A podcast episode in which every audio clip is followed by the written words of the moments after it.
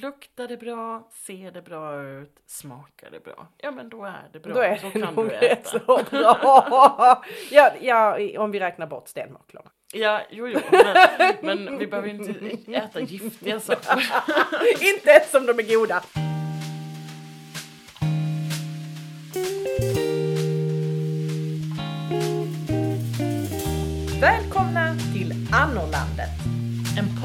Välja ett liv på landet med allt det underbara men också allt det skitjobbiga som det innebär. Stämmer den bonderomantiska drömmen? Ja, men det är det vi ska utforska i den här podden. Och ni kommer träffa mig, Anna Lidbergius. Och mig, Anna Tenfelt. De två Annorna alltså. På landet. Annorlandet.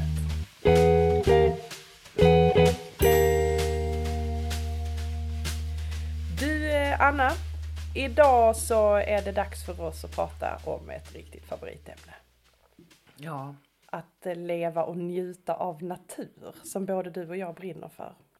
verkligen. Och i förra avsnittet så nämnde vi ju att eh, ja, men vi behöver nog ta ett helt avsnitt om det här med att eh, förädla saker som går att plocka eller samla eller så.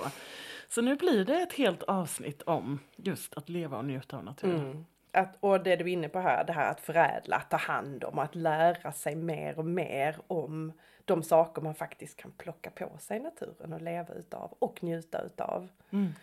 Och jag tänker att ju mer en vet om naturen och växterna och liksom hur allting funkar runt omkring oss och vilka saker en kan äta och inte och hur naturen påverkar oss på olika sätt desto mer kommer en att värna om den och liksom bry sig om den och ta hand om den och känna, känna sig nära den.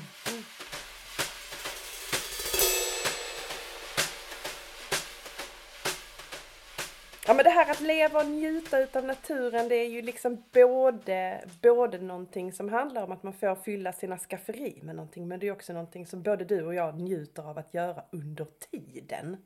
Ja, och då återkommer vi lite grann till det här med att eh, vi har pratat om, när vi pratade om höns så pratade vi om att varje gång en går ut minst en gång om dagen i hönshuset och plockar ägg så är det som att hitta en skatt.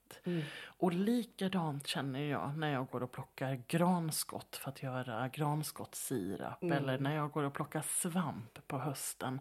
Varje gång jag hittar någonting som jag vill plocka, som går att äta eller bara någonting som jag tycker är spännande på ett eller annat sätt så tycker jag att jag har hittat en skatt och det är helt magiskt. Men det här är ju någonting som du och jag har pratat om så otroligt mycket när vi går på våra samlarrunder. Att vi ser storheten i att få lov att samla på sig saker som naturen har skapat åt oss. Och att vi blir så otroligt lyckliga utav det. Och både du och jag säger ju liksom att vi kan inte förstå oss på människor som inte kan få den här storheten och inte ser den. Nej. Anna, kommer du ihåg första gången jag hittade svart trumpetsvamp? Du menar när, när du ringde och skrek i telefonen? Jajamän, och det är ju så. Du är ju min bästa svampkompis. Och du är min. Och vi är ute mycket tillsammans, men den här gången så var jag ute med en annan vän som inte alls förstår storheten i att plocka svamp. Och, eh, hen var mest med för att eh, ja, men, tyckte det var härligt att komma ut lite i skogen och jag lurade väl med henne ut. Och eh, ja, men det var verkligen, åh, jag kunde inte förklara Även om hen såg hur överlycklig, alltså jag började ju nästan gråta och jag ringde dig direkt och jag ringde flera andra människor och var tvungen att berätta att så här, nu har jag hittat den. Nu kan vi ju tillägga att svart trumpetsvamp är ju lite grann som den heliga graalen för dig och mig. Den är ju inte jättevanlig i Skåne. Precis. Vilket gör att du och jag har ju sökt efter den med ljus och lykta i flera, flera års tid. Och har liksom tjatat på varandra vad vi ska göra när vi ser den. Och tänk, tänk om här bakom döljer sig ett hav utav dem. Tänk om det är bara vi som inte lyckas se dem och de egentligen är här. Nej, och sen hittade jag den på ett av våra svampställen där Ja. vi ändå har varit många gånger. Men lite så undanskymd, lite längre in i en skogsdunge som vi inte riktigt brukar gå i. Och där stod den. Mm, Jag kommer ihåg ditt skrik av förtjusning och innan jag riktigt hade förstått vad det var Och jag kan säga, jag blev ju precis lika lycklig. Även om jag inte var med. För att jag visste att den hade blivit hittad och jag kunde känna igen mig precis i den känslan. För jag vet ju hur viktig den är. Och sen har vi ju varit tillbaka där. Om och om igen. Och jag har varit där själv och vi har varit där tillsammans. Har vi hittat den? Inte en enda till gång. Jag hittade ju den två gånger där under, alltså ganska Mm. närliggande gånger så. Eh, men sen har vi inte hittat den igen. Så det, och det återstår ju fortfarande för dig och jag kan nästan avundas att du ska få den här första känslan av att hitta trump- den svarta trumpetsvampen. Och det här är ju egentligen en typisk grej. Svamprundorna är ju väldigt fundamentala i vårt liv tillsammans. Att vi ger oss ut under, ja i princip från midsommar och fram så är vi ju ute och letar. Och nu börjar vi också spana lite efter andra svampsorter som kanske, kanske kommer tidigare. Som till exempel vårmusseron och, och toppmurklor har vi ju pratat om en hel del om att det kanske är någonting eftersom det börjar lite tidigare. Men du och jag pratar ju många gånger om hur vi njuter att gå i svampskogen tillsammans eftersom vi är så intresserade av både den svampen vi ska plocka men också att få titta och upptäcka alla andra arter Ja. som vi inte känner än. Precis, och, och vi kan ju verkligen eh, nörda ner oss i när vi hittar någonting vi inte känner igen och det kanske är en väldigt vacker svamp eller den växer på något märkligt ställe eller så. Då, då sitter vi ju och slår i våra kataloger på telefonerna och letar efter vad är det här för art och hur, eh, ja, vad har den för, för eh, attribut och sådär som man kan lära sig om. Och du och jag har ju sagt det så många gånger att, att gå med en, en svamprunda med någon som inte uppskattar att titta efter svampar. Det är ju nästan värre än att inte ha gått på en svamprunda alls. Ja, men lite så. Jag tror att jag kanske är, är bättre på att blockera det än vad du är. För att jag, jag bara går in i min egen lilla, ja ja, då kan väl du tycka att det är tråkigt. Men här går jag och plockar min svamp. Men, men du kan ju bli otroligt Ja, det är otroligt provocerande med människor som inte förstår hur intressant det är. Och fyra personer som inte riktigt förstår hur intressant det är med svamp. Det är ju Siv och Rut och Evelina och Elliot. Det vill säga våra barn.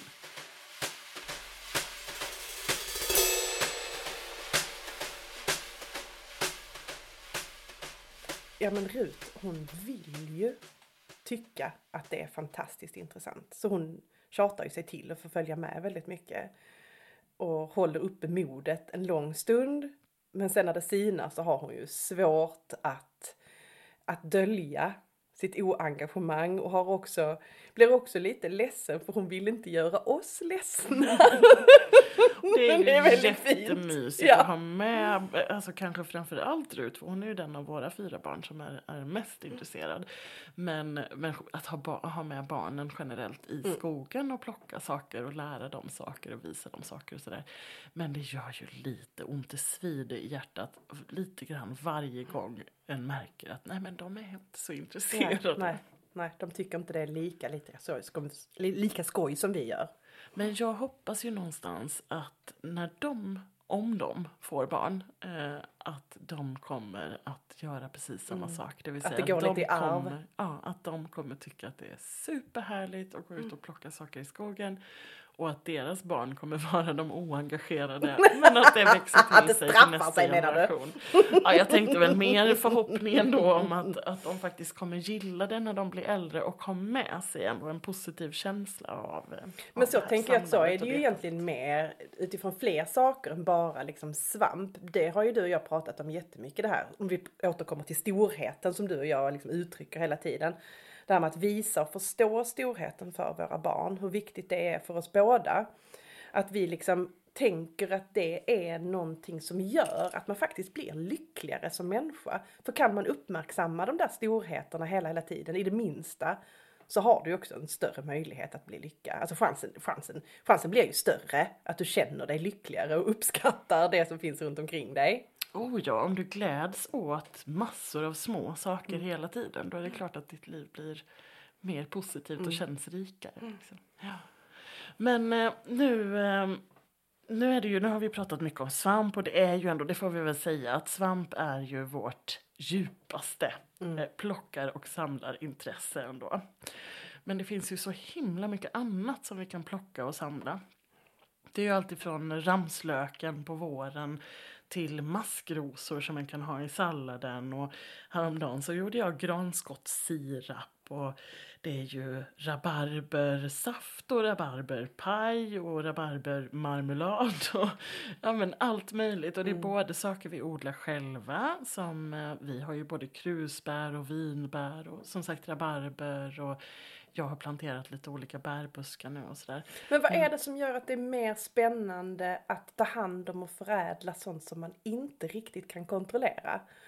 Du vet det här, ja men vi sätter, vi sätter en vinbärsbuske, jättekul, vi tar hand om det, vi preppar med det, vi, liksom, vi förädlar det, vi kokar vår sylt och vår marmelad. Men vad är det som gör att det är så otroligt mycket mer intressant att gå ut och inte riktigt veta vad du kan förvänta dig?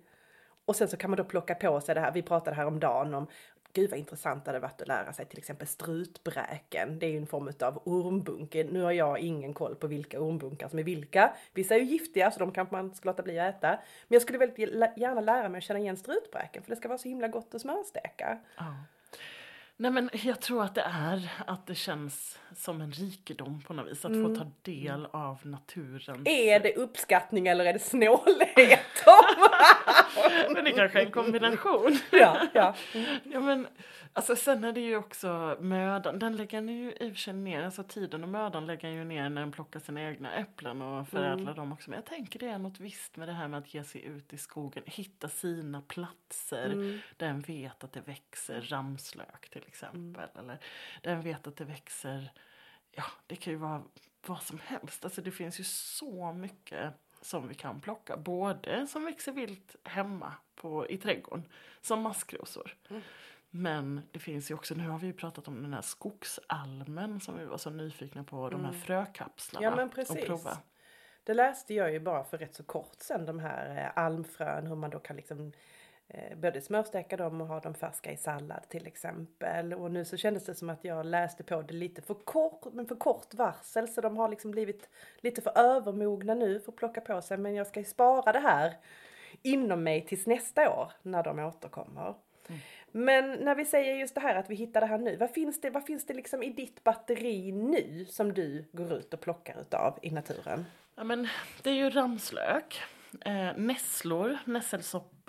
Och det ska ju helst vara de små späda men om man plockar av dem så kommer det ju nya. De förökar ju sig bara utav bara den.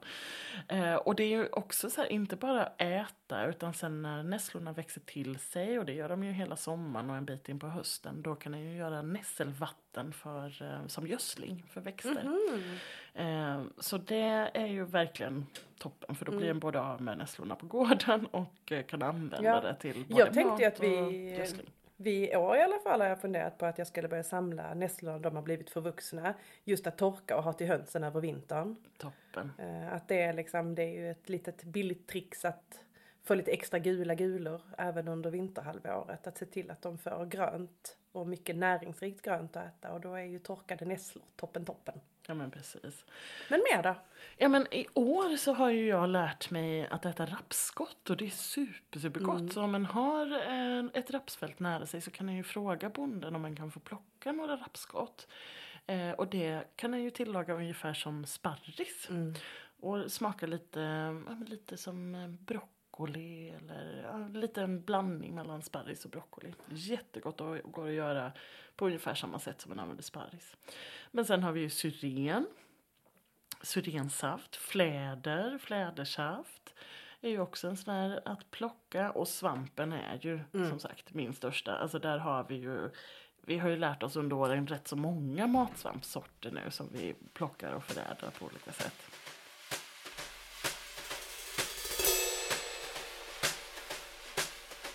Vilka mm. grejer har du Anna?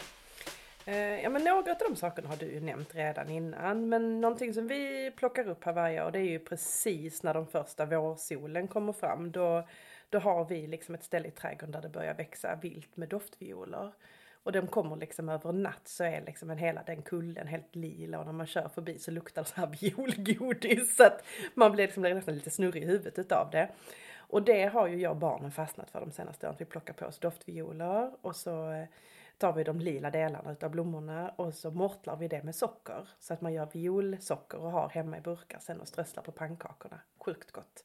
Och det kan den ju göra ännu mer med. Du kan ju fritera violen. Du kan också bara använda violbladen. Det finns många ätbara blommor. Den kan ta antingen och använda dem färska på en sallad eller bara för att dekorera maten. Eller så torka en blombladen. Och det har jag hemma. Torkade Ja. ätbara blomblad som den kan ha. Den till exempel bjuder gäster på middag det så blir det lite lite extra. Precis. Det tillför ju egentligen inte supermycket smak utan det är ju mer en dekoration. Så. Det estetiska i det. Men förutom violerna så plockar vi ju eh, svinmålla. Som kommer nästan alltid som ett ogräs överallt där det finns odlingar och fält. Så kommer svinmåla runt omkring och det kommer även runt vårt hus och det kommer liksom ut med dikeskanter. Och det är fantastiskt gott att vucka när det är småskott så det plockar vi mycket utav. Men Sen- det här måste du berätta mer om för jag har ju aldrig provat detta. Nej, vad ska jag säga? Den är lite nötig i smaken. Eh, rätt så mild, som en mild salladsort egentligen. Det är, den behåller inte något större tuggmotstånd när du vuckar den, så du vuckar rätt så fort. Och sen så med lite soja och lite vitlök på. Sjukt gott.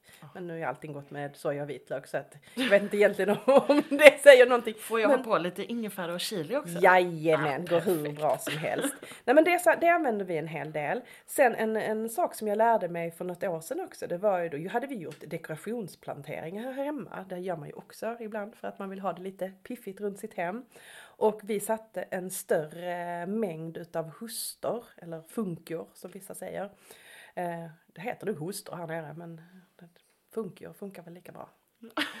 Eh, det har vi liksom längs med vår skuggsida på huset. Eh, och precis när de börjar växa på våren så kommer det liksom upp som små strutar ur marken. Och de kan du också bara skära av och steka precis på samma sätt som du hade gjort med nya sparrisar. Vad härligt, här Och det- lär jag mig massa grejer. De är otroligt goda så det är vi glada för. Och de sprider sig också otroligt mycket. Så köper man en liten planta så har du en jätteplanta inom något år. Kan du hitta dem ute i naturen också eller det är sånt Nej, som det du är, planterar? Liksom? det är liksom trädgårdsväxt rakt av. Ehm, Men jag tycker de är väldigt dekorativa. Där finns ju också massor med andra sådana dekorativa växter som du kan sätta till exempel daggkåpa om du vill använda i andra syften och sådär. Så att det är väl lite roligt att inte bara, inte bara ha prydnaden med sina växter utan också tänka att du kan äta upp dem. Mm. Jag gillar ju funktion, det vet du ju. Mm. Eh, att, eh, Funktionsdjur och funktionsväxter. Precis, men jag tycker att det finns någonting fantastiskt i att kunna förädla och äta och leva av Mm, saker som vi har omkring oss. Men du, på hösten så är det ju dels svampen då såklart, men också lingon och blåbär och Nu björnbär. har vi rätt lite med det här nere. Det är väl det tråkiga Ja, alltså biten. blåbär finns ju ändå lite grann. Lingon är det väl väldigt ont om och samma med Mm. hjortron. Men om man åker norrut så finns det ju skatter av det också. Och bara i Småland finns det ju hur mycket som helst Absolut. av framförallt blåbär. Mm. Ehm, men, men björnbär däremot har vi ju otroligt mycket i skogen här.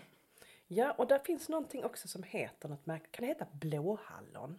Ja, det låter bekant. Som ser ut som en, liksom, en mer slingrig variant utav eh, björnbär. Alltså den lägger sig mer tryckande mot marken. Och där bären liksom inte är alls det här utvecklade riktiga bärformen utan det är liksom bara som ett par stycken blåsor eller vad man ska säga. Och de ligger liksom åt det syrligare hållet och det ska liksom vara någonstans där mitt emellan björnbär, hallon och det växer ju i jag vet inte hur mycket, men det är liksom alla bräsken här runt omkring vårt område är ju helt fyllda med det. Så att skulle man vilja bli jättesugen så kan man ju gå ut. Men det är väldigt taggigt och snårigt så vardarbyxor kanske. ja men björnbärsris eller slå, liksom, det är ju generellt är ju väldigt, väldigt snårigt. och Mm. Har ni björnbär i er, på er gård? Tyvärr har vi det.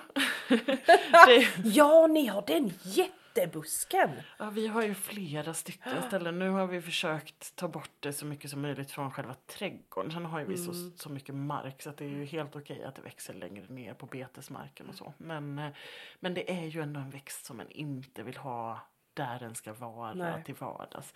För att det är väldigt stickigt och mäckigt och, och lite störigt så. Man Ja. vill inte att hundarna ska fastna i det och få massa taggar i pälsen och så. Ehm, men däremot, så för mig är björnbär superhärligt när det är i skogen och en går ut och plockar. Inte riktigt lika härligt när det är i trädgården. men det finns ju de som planterar taggfria björnbär. Ja, men det har jag sett. Eh, och det kan jag tänka mig att, att det funkar jättebra i trädgården. Känns också lite tramsigt. Känns det inte lite tramsigt? Nej men det gör det väl inte Anna. Det Men tillhör det inte lite att du ska bli lite... Bara... Nej det är ju Rifsigt. Gud vad... Nu är det du som är tramsig tycker jag. Var är känslan utav skatt och uppskattning om man inte måste anstränga sig? Okej då. Eh, nej men så, alltså många olika typer av bär finns ju på hösten och svamp finns ju på hösten. Det är ganska få grejer som, eh, som är så på vintern. Men jag tänker björksaven och de här små björköronen, de är ju tidiga, eller hur? Mm. Där behöver man- Februari brukar man väl börja, se- ja mars kanske börjar väl Ja. sava björken. Du ska ju, du ska ju sava den innan, eh, eller tappa ska man säga, tappa på sav innan, eh, innan den börjar sätta de små löven. Mm. Eh, och det, det, det vill vi ju inte uppmana att folk springer ut och gör ute i naturen hej vilt utan där får man ju verkligen prata med markägare. Absolut, Innan man eller om tappar. man har en egen björk Ja, på ja, sin då, gård. då, kan man ju, då kan man tappa hur mycket man vill höll jag på att säga. Eh, men det är ju någonting väldigt speciellt med, med björksav. Det har ju en otroligt rolig smak. Mm. Och vi fällde ju, vi syrefällde ju ett helt gäng träd på vår gård, tio stycken nu Mm. i, i slutet av februari. Som vi precis har blivit klara med veden. Så nu är vi, har vi liksom 15 kubik ved för vintern av vår egen ved. Och det känns fantastiskt. Men där var det jättemycket sav på vissa av björkarna. Lyx! Nu är annorna törstiga. Vad har ni i glaset idag? Du Anna, Ja! idag så har vi något speciellt i glasen. Jag ska lukta lite på det. Ja, jag känner igen den här doften. Ja, du gör det va? Det är så här att en eh, nära vän till mig och eh, ändå bekant eller vän Ja. till dig också. Eh, Stina har gjort rabarbersaft till oss. Mm. Den På tal om att förädla. Precis. Gud vad gott! Ja men den här är ju så här perfekt. så att den är supersyrlig. Mm. Den är ju såklart söt, det är saft. Men, eh, men den har liksom verkligen den här rabarbersyran kvar. Och så den fantastiskt ljusrosa färgen. Så Det nästan känns som att det är neonfärg i glaset. Det är Ja. coolt. Den här kan ni inte köpa någonstans. Utan ska ni ha den, då får ni bli vän med Stina Ullman. Eller ännu bättre höll jag på att säga. Jag vet inte om det är bättre. Men faktiskt gå ut och se till att hitta er ett rabarberställe. Och gör lite egen rabarbersaft. Passa på att öva lite på att ta hand om och förädla och lära sig någonting. Det är ju inte så svårt att göra rabarbersaft. I år så har jag gjort någonting som jag faktiskt inte ens kände till innan. Och det är ju glasrabarber. Ja, ni testade det i år. Vill du, du får berätta lite grann här om glasrabarber. För det är inte säkert att alla sitter här som jag och bara, jag vet precis vad det är. Nej, såklart. Och jag visste inte för eh, tre månader sedan vad det var heller, ska jag säga. Utan för mig är det en ny kunskap. Nej, men glasrabarber är helt enkelt när du stänger ut eh, solljuset från rabarberna. Så precis när de börjar växa, när de börjar knoppa sig. De kommer ju upp med små, små röda, rödgröna knoppar eh, när de börjar växa. Då sätter du över en, eh, till exempel en svart hink eller det kan vara en stor lerkruka eller någonting som stänger ute ljuset från rabarberplantan. Och då resulterar det i att rabarberna växer rakt upp. Så de blir stående rakt upp istället för att lägga sig längs med marken som de gör i vanliga fall. Och sen så blir de tunna, tunna, spröda och inte alls lika trådiga. Så de, de får en lite mindre beska men framförallt så försvinner trådigheten. De är lite, lite sötare och så är de otroligt De utvecklar vackra, inte rosa. heller de här riktigt gröna bladen blir där ju inte på samma sätt heller. Utan de behåller ju den här lite vitgula rosa nyansen både skälk och, och blad. Ja, precis. Har ni smakat på dem? Ja, vi provade förra helgen. Eh, jättegott. Alltså, ska säga så här, smakar rabarber. men, eh, men som sagt, trådigheten. Spröda. Ja, spröda och krispiga och fina och liksom kanske lite mer så att den skulle kunna äta och doppa i socker och äta Mm, direkt mm. från stjälken snarare än de här som, som blir sådär jättetrådiga och stora som Ja. du kanske använder till saft eller marmelad eller sylt. Eller. Mm, mm. Kul, kul. Vi har ju pratat lite här om, om vad det är vi plockar nu. Vad önskar du att lära dig att plocka, Anna? Allt! Nej men jag, ehm, jag tycker att det är jätte, jättespännande att eh, lära mig att lära mig saker generellt. Eh, Men också just det här med att äta det som finns i naturen. Jag tänker att det är ett mer hållbart sätt att leva av så många anledningar. Både ekologiskt och ekonomiskt. Och, och jag vill ju vara nära naturen.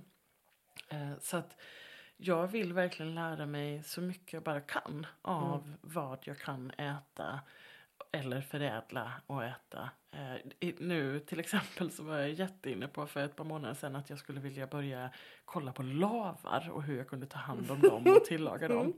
För renlav då till exempel kan du förädla och fritera till exempel. Och, och jag tänker mig att det blir ett superhäftigt krisp i maten. Alltså en härlig Lite konsistens. sådär som grönkålschips nästan. Lite så. Men också att det tillför då tydligen en, en härlig umami och beska i maten. Men sen började jag då läsa om processen som du måste göra med lavarna. Och det var lite, nu ska vi säga att eh, stenmurklor ska den inte äta. Eh, de är ju giftiga. Men i många, många, många år så har jag ju ätit stenmurklor i Sverige. När man inte förstod bättre. När den inte förstod bättre och det äts ju tyvärr fortfarande i vissa länder. Eh, men grejen då var ju att den skulle förvälla och förvälla och förvälla. Alltså minst fyra, fem gånger skulle du förvälla murklorna innan du skulle äta dem. Och det var ju för att få bort så mycket av giftet som möjligt. Eh, nu ska jag eh, återigen vara tydlig med att ät inte, plocka inte och ät inte stenmurklor. Du får inte bort giftet när du förväller dem. Men anledningen till varför jag tar upp det här är för att det var lite liknande var process, process. med lavarna. Så du ska liksom förvälla dem ett antal gånger. Och, Och det är var- ju lite det som gör att vi väljer bort vissa svampsorter Ja, i övrigt. visst. Alltså vissa risker till exempel där du ska hålla på och göra avkok för att de ska sluta vara äckliga. Och, Nej, då är det nej. inte värt det. Då finns det ju så mycket annat att Mm, hämta i naturen. Så det kände jag, så här, ja men jag tänker att det hade varit jättevackert att ha lav på tallriken. Jag, jag tror att det skulle tillföra ett roligt krisp. Och jag skulle tycka det var spännande att prova. Men jag kommer nog bara prova det en gång. Ja, om jag låter gör det. rimligt. Jag tänker så här också, eh, du pratade om det här med att lära sig eh, och att det liksom är en stor drivkraft. Jag har funderat mycket också på lite på det här, en, nästan lite feministisk aspekt. Att det är någonting husmoderligt i det här, den gamla typen av kvinnoroll. Att ha ansvar för att faktiskt bygga vinterns förråd. Att samla det som naturen ger och att där är någonting väldigt stärkande och vackert i det. Att behålla de traditionerna och att inte bara låta dem förgås. För att det har varit någonting som kvinnor har tagit ansvar och burit för i så många generationer. Och det hade varit förfärligt om den kunskapen bara suddades ut. Ja, och visst är det konstigt att vi tappat den typen av förmedling av kunskap när vi har ett samhälle som förmedlar mer kunskap än någonsin tidigare. Ja. Alltså, när allting bara är en googling bort så har vi ändå tappat de här gamla husmorstipsen eller knepen. Och både du och jag följer ju några olika Instagramkonton till exempel som faktiskt tar tillvara på såna här gamla tips. Till exempel ekotipset tycker jag är jättehärligt. Eh, där en kan lära sig att eh, rengöra trädäck eller eh, så saker. Sådär. Alltså det är ju massa olika tips på Mm. Jag tänker ekologisk som bara hållbarhet. underbara Klara är ju en sån som har gått i bräschen liksom för, för tips för rengöring i sitt hushåll eller liksom just det här som vi är inne på att förädla, ta hand om, att bunkra inför vintern. Alltså alla de här tipsen. Och jag är så tacksam över att jag har fått en del av det här Mm. hemifrån. För att jag hade ju privilegiet när jag växte upp Mm. att ha två föräldrar som var ute med oss i Ja. skogen och plockade svamp och plockade olika bär och frukter och förädlade och sådär. Och vi hade också sommarhus eller fritidshus Mm, dit vi åkte som låg i Småland där det finns ännu fler eh, växter än vad som fanns i Halland där jag växte upp. Eh, men, Och det vill ju jag ge mina barn. Mm. Men sen tycker jag också det är någonting som är så magiskt när man får de här små tipsen om vad mormor gjorde när Mm. hon eh, lärde sig ta hand om hushållet. Eller farmor eller så. Ehm, eller Men visst är det fint? Ja. Och jag tänker, du är lite inne på det här, det här med liksom att hur kommer det sig att samhället som det ser ut nu, där man lär sig så otroligt mycket, det är informationskanaler om allt, det är liksom kunskap, kunskap, kunskap, information, information. Men det här att bara lära sig genom att lukta, känna och se, att det är någonting som måste göras i ett sammanhang. För att det överhuvudtaget ska väckas intresse för det. Men också sen liksom för att befästa det hos sig själv. För hur många saker finns det inte som du och jag plockar som vi inte kan namnet på?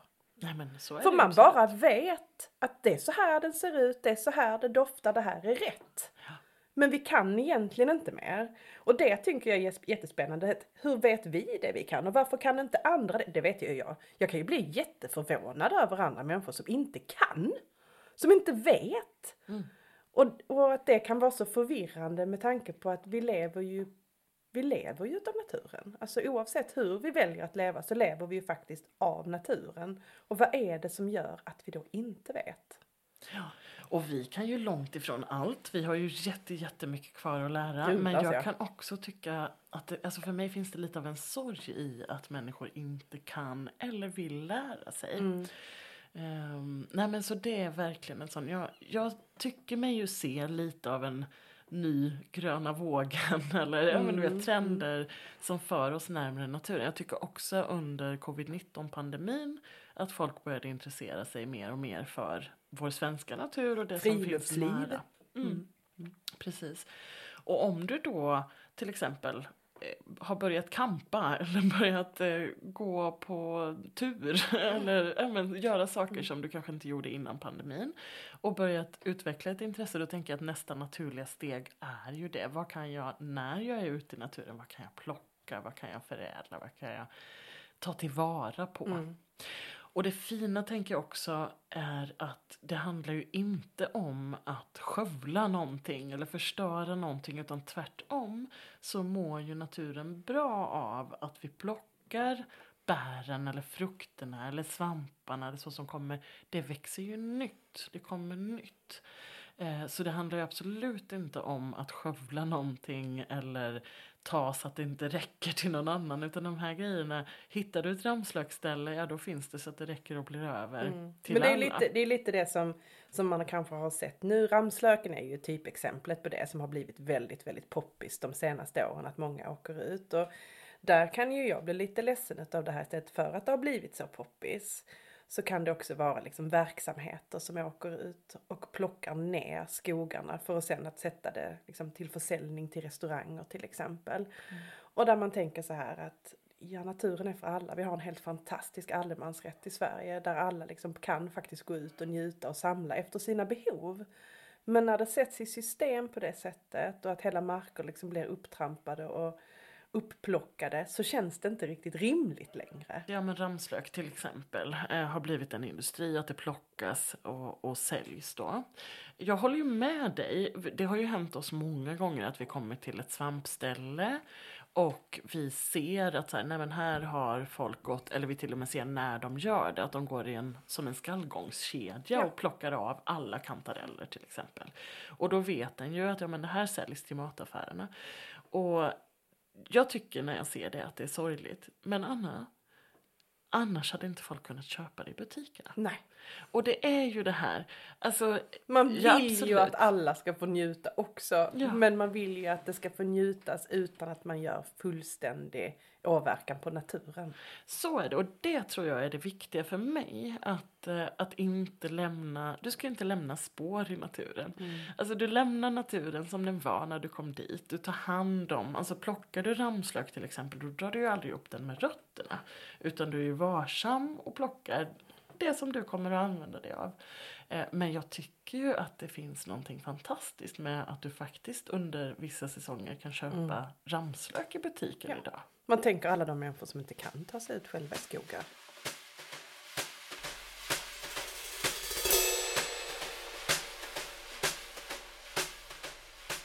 Min farfar och jag plockade ju otroligt mycket svamp tillsammans. Det var ju ett av hans största intressen också. Och vi har ju gått i skogarna ihop och luktat på svampar och han har visat sina bästa ställen. Men när han blev äldre så kunde ju inte han ta sig ut i skogen själv. Och det vet jag, det var ju lyx liksom om det fanns i mataffären. Nu plockade jag ju såklart, plockar man så tar man med sig hem sina, sina fynd eller sitt torkade. Men att man som människa har kunnat gå ut och plockat när man vill och sen ändå kunna fortsätta att köpa det man vill ha. Sen så var det också så här att han sa ju, och jag håller med, de smakar inte samma. Nej men det gör de ju inte. Så är det ju. Det du plockat själv, och det pratade vi ju också om tidigare. Att det, ah, är något du njuter Mm. av. Eh, eh, men som med vår ved. Ja men vi kommer njuta av värmen i vinter extra mycket. Jag tror Ja. att den kommer värma lite extra mycket för att vi faktiskt har gjort allt arbete med Mm. den själva istället för att bara köpa färdig ved. Ja, och kantarellerna smakar väl extra gott när man har plockat dem själv i gott sällskap. Ja, jo men verkligen. Och plus att det är ju någonting med att du faktiskt får dem helt färska. Så är det ju med våra ägg också. Och Ja. gratis! Och gratis.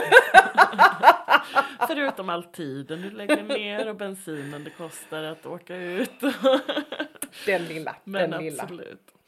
Nej, men det är ju det är magin som kommer med det. när Mm, det är eh, du själv som har plockat det eller någon som du tycker mycket om. Som jag tänker så här, den här rabarbersaften den var supergod. Mm.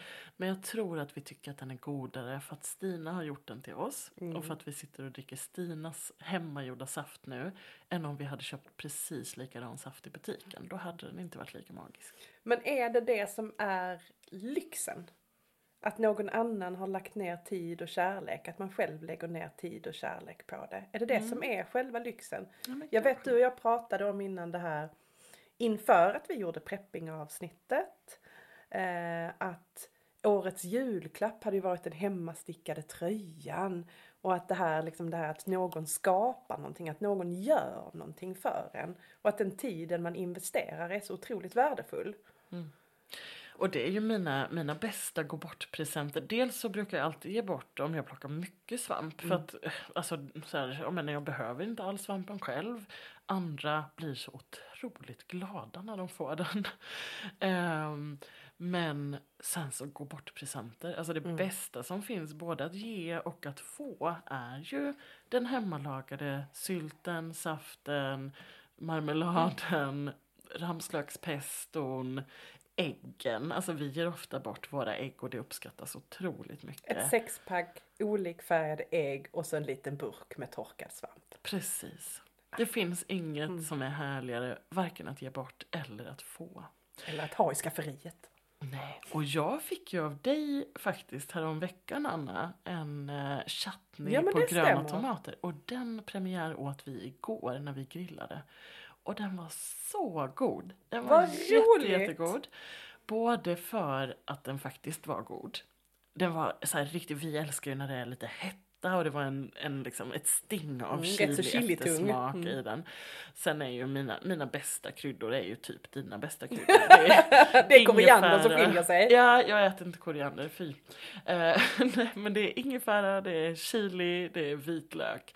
Eh, det är liksom mina primära go-to Mm, kryddor. Och sen så, men den här var det ingen koriander i. Nej. Nej. Eh, men den åt vi igår och den var supergod. Och hälften av magin var att du hade gjort den. Vad roligt. Var hittar du alla, alltså vi pratar om att vi vill lära oss mer. Eh, vi vill lära oss att förädla mer och veta mer vad vi kan plocka och sådär. Var hittar vi alla idéer? Förutom det vi lärt oss av våra föräldrar och så. Var hittar du dina idéer? Jag tänker ju att det är ju forum på, på Facebook och på Instagram som jag tänker som är mina största källor där man liksom får bläddra bland andra människors inlägg. Eh, ett av de bästa forumen jag kan rekommendera när det gäller svampintressen det är ju Svampklapp på Facebook. Där Det är ju både du och jag med. mycket kompetenta människor som, eh, alltså mykologer som liksom verkligen vet vad de pratar Som om. brinner för svamp kan vi säga. Ja. Eh, Det är också ett väldigt hårt hållet forum, vilket jag uppskattar, där trådar inte kan sväva ut till tusen utan det är väldigt faktabaserat. Och människor som är med där verkar lika genuint intresserade utav svamp och svampplockning och naturvård som du och jag. Ja. Eh, Så den skulle jag ju rekommendera till alla. Ja, den är toppen verkligen. Jag är ju också sådär Instagram och Facebook super, super bra källor. Eh, sen är ju jag, Google är min vän. du vet ju. mm. Eh, så att googla loss. Och en, eh, en sida som jag älskar och som jag använder mig av är ju skogsskafferiet.se. Och det är så himla bra uppbyggt för att dels så står det ungefär hur lätt eller svårt det är att skörda olika grejer. Men också så är det uppdelat utifrån vilken tid på året som du ska skörda det. Supersmart ju. Ja, så att det finns både så, okej, men vad är det jag kan plocka?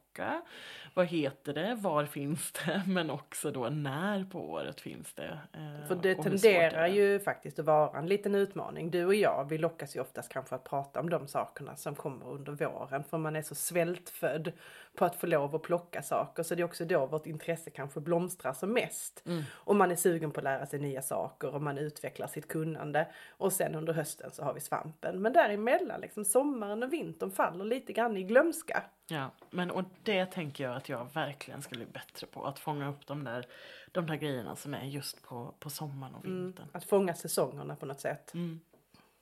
Jag skulle också vilja rekommendera eh, Skillnadens trädgård. Ja, Sara Bäckmo, hon ja. är ju fantastisk. Som både liksom presenterar så med vackra bilder och vackra texter. Olika sätt att ta hand om och förädla både egna odlingar och sånt som du faktiskt hittar ute i naturen. Mm. Jag har ett par, um, par andra favoritkonton som Arken i Ravlunda som är ett par som jag tror att, ett ungt par som jag tror har flyttat från Stockholm. Också så verkligen eh, blivit bönder från att haft ett annat typ av liv och annan typ av karriär. Eh, och sen så mitt liv som bonde, också en ung tjej som, som driver. Och det tycker jag är så inspirerande att se. Eh, och det är ju inte nödvändigtvis så, vad kan jag plocka i naturen? Men, men det är ju att leva av djur och natur och, och njuta av det som, eh, som man hittar och, och förädlar. Och sen följer ju både du och jag Krygårds hönshus. Ja, Och jag tycker Madeleine är superhärlig. känns eh, inspirerande. superroligt och jag tänker också att det verkar också vara en människa liksom som brinner för sin djurhållning och verkligen att att, eh, att utveckla både sig själv och att leva mer harmoniskt och mer hållbart över tid. Mm. Ja, och eh, alltså de här kontona är också väldigt roliga och underhållande. eh, jag hoppas ju och tänker att, att vårt konto så småningom förhoppningsvis ska bli en inspiration för andra. Eh, annorlandet, att vi kan lägga ut det vi plockar och förädlar och, och förhoppningsvis kanske sprida lite kunskap Ja. och, och glädje. Och Jag tycker att vi gör en utmaning till oss själva där. Att börja liksom när vi är ute och plockar och sånt som vi kanske gör i vår vardag. Att vi faktiskt börjar lägga upp lite bilder på sånt. ja. Och visar kanske lite med våra små berättelser utifrån vad är det här för någonting spännande. Ja men absolut. Nu har vi ju nämnt några av våra favoritkonton och, och grupper och forum och sådär som vi brukar kika på. Men det finns ju, dels så följer ju både du och jag många, många fler. Och sen så hoppas och tror jag att det finns många vi inte har upptäckt än. Eh, som också är fantastiska såklart. Men att nörda ner sig i på Facebook och Instagram och googla loss. Det är väl vårt tips för att hitta inspiration och, och lära sig. Alla dagar i veckan. För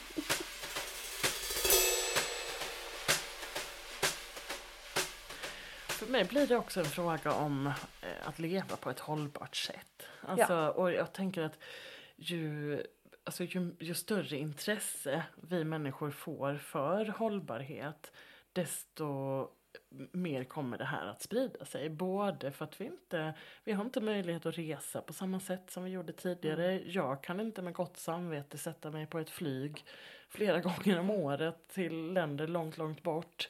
Utan får vara väldigt selektiv liksom i vilka flygresor en väljer att göra eller sådär. Och, och titta på vad vi har nära istället och hur vi kan semestra i vårt, vår när, vårt närområde. Men också så, okej, hur lär vi oss då njuta av naturen? Och lite som vårt förra avsnitt om prepping. Okej, men om det skiter sig, vad kan jag plocka och leva på? Mm. ja, faktiskt. Men du, det tar ju mig in på nästa fråga som jag förundras mycket utav.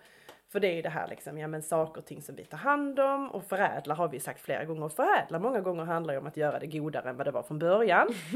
Eller att ta hand om det så att du behåller en hållbarhet på det. Ja. Så att det håller över tid. Så att det är liksom inte bara det där, ja men jag slår i en bunke med socker så att det blir sött och gott. Utan det handlar ju också om att hur får jag det här till att inte, ja, precis. Inte- Sockret inte förvaras. konserverar. Så Mm, att du, inte du förvaras. Mm.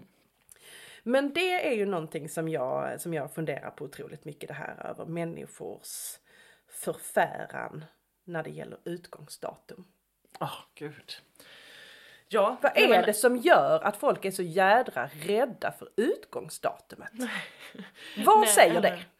Och jag förstår ju någonstans att den behöver ha det, eller gör jag det? Nej, Nej. kanske att vi inte skulle behöva. Alltså, det är ju lukta, titta, smaka. Ja. Luktar det bra, ser det bra ut, smakar det bra? Ja men då är det bra. Då är Då det kan nog du äta. så bra. ja, ja, om vi räknar bort stenmåklorna. Ja, jo, jo, men, men vi behöver inte äta giftiga saker. Inte ens om de är goda.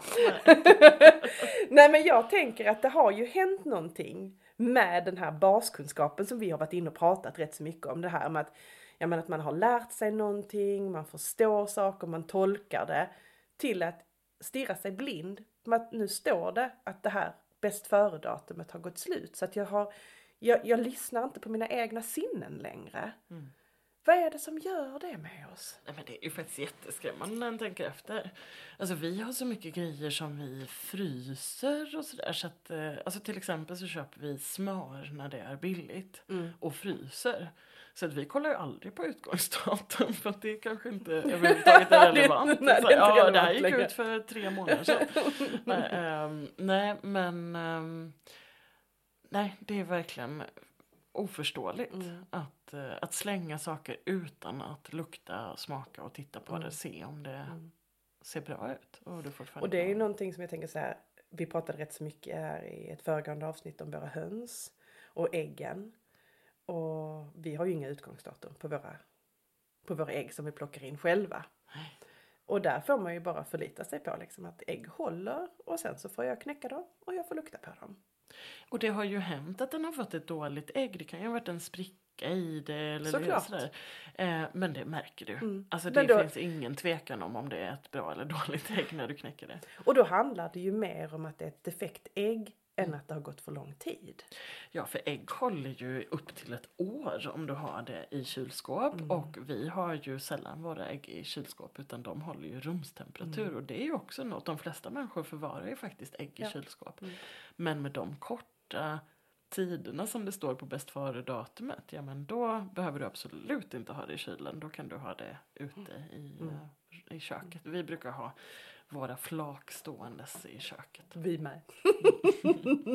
Nej men jättespännande. Vad ska vi hitta på då? För att vända den här trenden? Nej men det handlar ju om att sprida kunskap. Alltså det är ju folkbildning. Och ehm, jag tror ändå att vi är lite på väg åt det hållet. Jag Ja. tror att folk... Jag hoppas det. Det är ju, om vi nu ska se någonting positivt med kristider. För vi är ju lite grann inne i en kristid nu. Både med krig, eh, med den eh, pandemin som vi precis har genomlevt. Men också eh, inflation och Mm. svåra ekonomiska tider och priser som går upp och så. Och eh, då behöver vi börja vara lite mer försiktiga, lite mer måna om vad vi äter, hur vi äter, vad vi konsumerar på olika sätt och sådär. För vi har inte råd att slita och slänga som vi brukar. Och det tror jag är bra. Och jag tror att eh, stora sättet att påverka det här för oss, det är ju att försöka sprida den här magin som vi började prata om. För börjar man älska allting som naturen erbjuder så kommer du också att växa i ditt intresse och vilja ta hand om den mycket, mycket mer. Än att bara liksom följa liksom skräckbilden och tänka att jag behöver agera utifrån det. Så det hoppas jag på att vi kan fortsätta att göra. Men du, jag tänker vi har faktiskt en testperson på Ja! just precis det här. Ja! För att det är ju så att min man Henrik, han har aldrig haft ett intresse för att samla saker eller förädla saker eller plocka saker eller så. Eh, han har inte varit särskilt intresserad av att gå i skogen eller ja men du vet, alltså, han är verkligen ingen friluftsmänniska, har aldrig varit. Medan jag ändå har vuxit upp med det och haft det eh, sen innan, långt innan vi träffades. Eh, och jag är faktiskt lite nyfiken för jag vet inte svaret på den här frågan. Jag vet ju att han eh, han vill ju uppenbarligen flytta ut och leva ett liv med mig och barnen ute på en gård.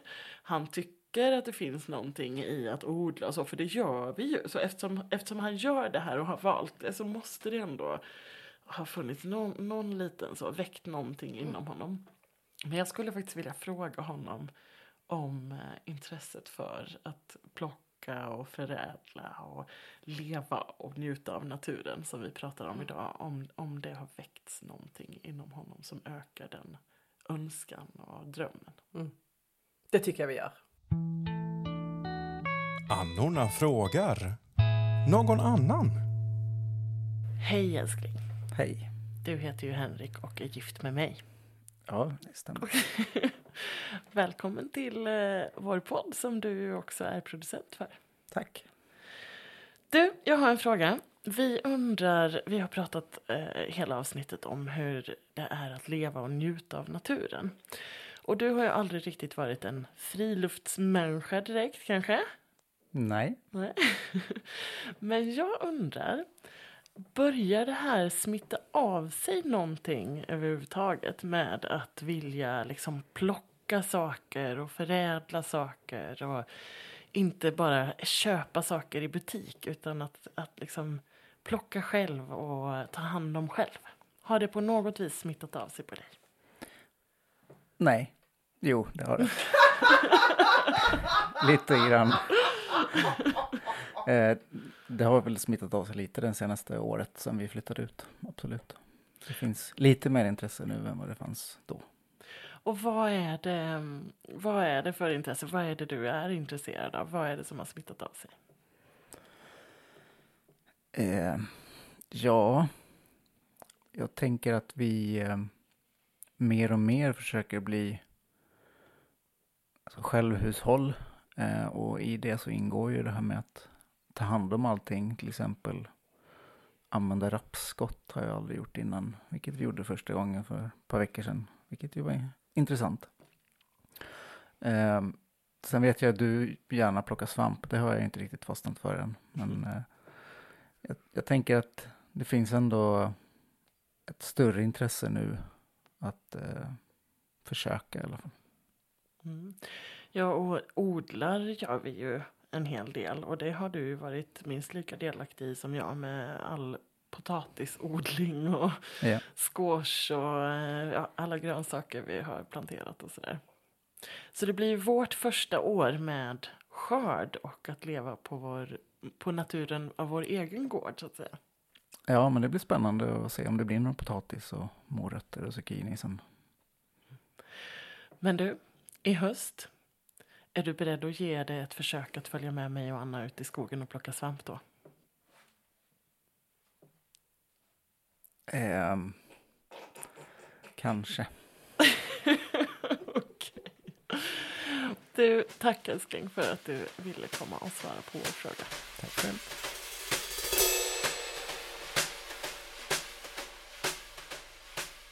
Du Anna, jag var nästan lite nervös inför att fråga Henrik den här frågan. Jag tycker faktiskt ändå att hans svar summerade ju faktiskt väldigt väl hur vi tänker på det här med att njuta och leva utav naturen och kanske lite grann det här att vi är så förundrade hela tiden och det smittar av sig. Mm. Så att om man inte kan lära ut det i skolan så handlar det kanske om att är det ens möjligt att bli sådär fångad utav det om man inte får uppleva det. Nej men den måste ju klämma och känna och lukta och mm. hitta. Mm. Alltså det är ju verkligen. Jag tror, jag tror absolut att den bästa metoden är att ge sig ut i skogen, gärna tillsammans med någon som man kan lära sig av. Ja, ja. Mm. Det är så man lär sig att njuta och leva med naturen. Och eh, då förväntar vi väl oss eh, att Henrik sitter på första parkett och väntar på att få åka ut i svampskogen i höst. Ja, jag tyckte mig höra ett kanske i alla fall. Så Ja, jag, ja. jag har eh, ett lite större hopp än vad jag tidigare haft. Mm. Han har ju fortfarande aldrig efter ja, snart 11 år varit med mig ute i Ja, skogen. men nu är han redo. Nu är han redo. jag tror att det här är allt för idag Anna. Vad tror du? Nu går vi ut och njuter lite. Ah, I det här fantastiska eh, försommar eller senvårsvädret. Mm. Det gör vi. Eh, Då tackar vi och säger hej för idag. Tack, tack. Hej hej! Du har hört ett avsnitt av Annorlandet med Anna Lidbergius och Anna Tenfelt. Inspelat i Studio Mitt i Spenaten. Musik och ljudbearbetning av Rasmus Lidbergius och producerat av Henrik Smeding och Rasmus Lidbergius. Vill du komma i kontakt med annorna? Skriv till dem på hej annorlandet.se eller på Instagram. Annorlandet presenteras i samarbete med Amplify Management.